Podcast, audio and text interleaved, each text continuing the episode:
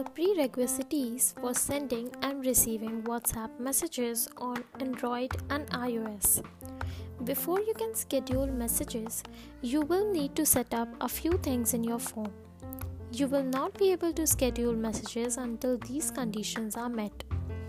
While there is no formal mechanism to schedule messages on WhatsApp, you must have the following to ensure that you may schedule messages.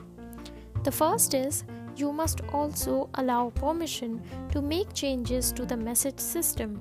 So, when you have downloaded the app, you will need to go into settings, select the accessibility option from the options menu.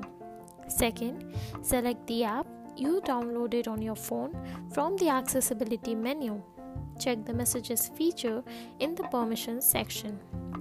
Because of the privacy issue with Android apps, neither option is totally automated. These programs, on the other hand, will complete the task at hand.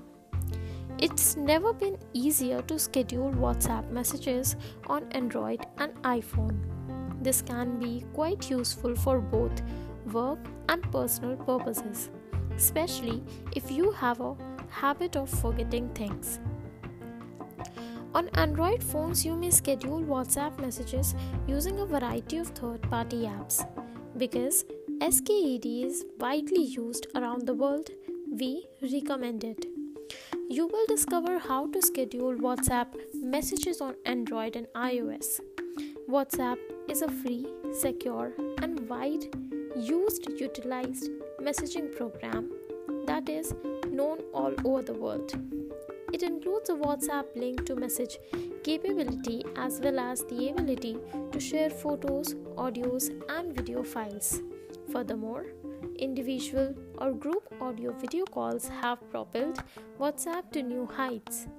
The program lacks vital functionality such as the ability to schedule WhatsApp messages for Android and iPhone. Unlike the business WhatsApp auto reply scheduling, WhatsApp messages has become a necessary function in today's digitally cluttered world. The scheduling option is quite useful for WhatsApp users whether it's to wish someone late at night or to set a reminder for a task that needs to be completed the next day. WhatsApp's artificial intelligence for business is constantly improving. Fortunately, you can now schedule WhatsApp messages with the help of third party apps. These apps work whether you have an iPhone or Android device. Thank you.